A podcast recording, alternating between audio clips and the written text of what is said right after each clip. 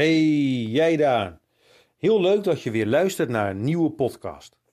Vandaag gaan we samen luisteren naar het slot van de brief van Paulus aan de gemeente in Thessalonica. We lezen het slot van de brief, de versen 16 tot en met 18. Mogen de Heere van de vrede zelf u voortdurend vrede geven op allerlei wijzen. De Heere zij met u allen. Een eigenhandige groet van mij, Paulus. Dit is een teken in iedere brief. Zo schrijf ik. De genade van onze Heere Jezus Christus zij met u allen. Amen. Ik wil vandaag beginnen met het stellen van een vraag aan je. Heb jij vrede met God? Is het goed tussen God en jou? Misschien dat je je afvraagt: hoe weet ik eigenlijk of ik vrede heb met God? In een andere brief geeft apostel Paulus antwoord op die vraag als hij schrijft: Wij dan, gerechtvaardigd uit het geloof, hebben vrede bij God, door onze Heere Jezus Christus. Geloof in God door het werk van Jezus Christus. Dat is het geweldige van het evangelie. Dat Christus mensen die van zichzelf door hun eigen schuld in een staat van oorlog met God verkeren, zo helemaal redt dat zij de strijd tegen God opgeven en delen mogen in zijn vrede. Deze vrede van God is dan ook heel wat anders dan een vredegevoel.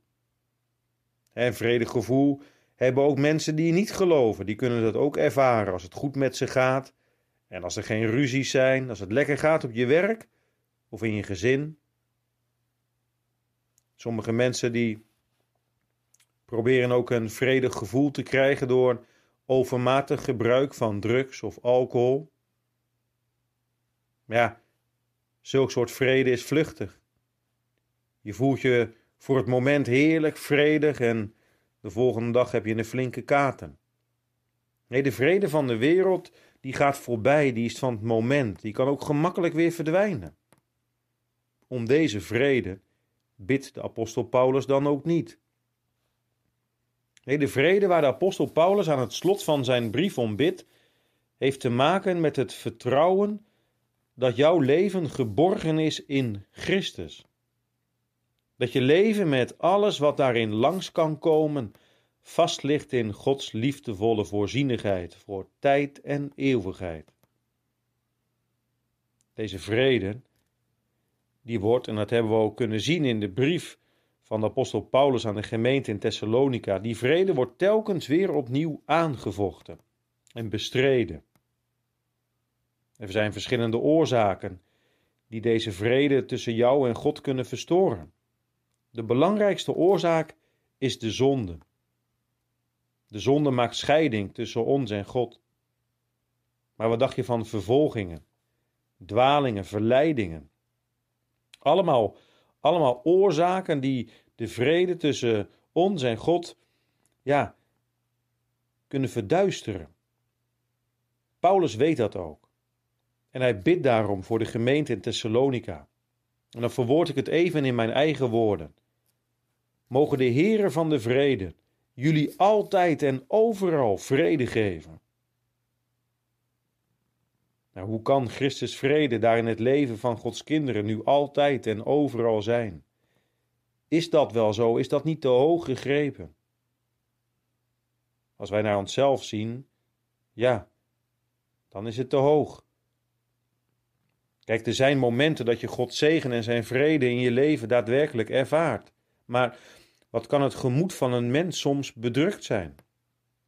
Wat kunnen omstandigheden dusdanig zijn dat, dat je de vrede van God zo weinig ervaart? Wat kan deze vrede in het kerkelijke leven of in je eigen persoonlijk leven aangevochten en op de proef gesteld worden? Vrede altijd en overal? Ja, toch wel.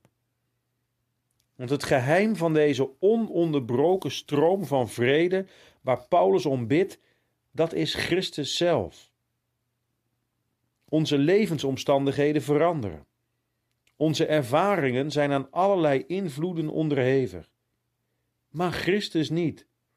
Hij is onveranderlijk. Hij is onwankelbaar.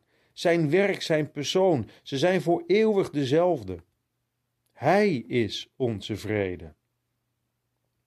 En dat betekent dat, ongeacht onze omstandigheden, Christus altijd en overal vrede geeft aan hen die het van Hem verwachten, die op Zijn werk vertrouwen.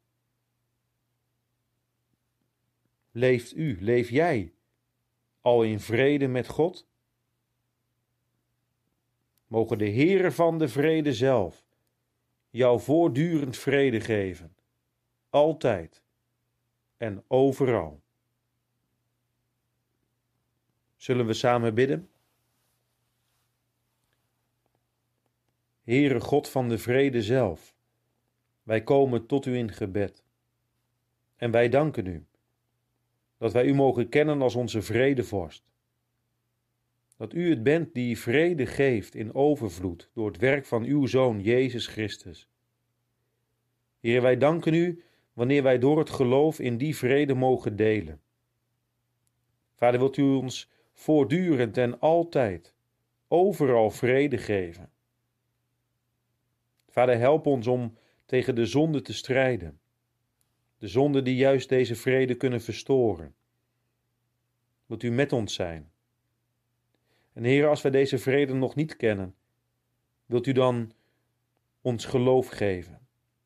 Help ons om u te zoeken. U die dat zo graag wil geven. Vader, wilt u zo met ons zijn? Hoe onze omstandigheden ook zijn. Wilt u geven wat nodig is? Geef dat we zo in vrede mogen leven. Om Christus wil. Amen.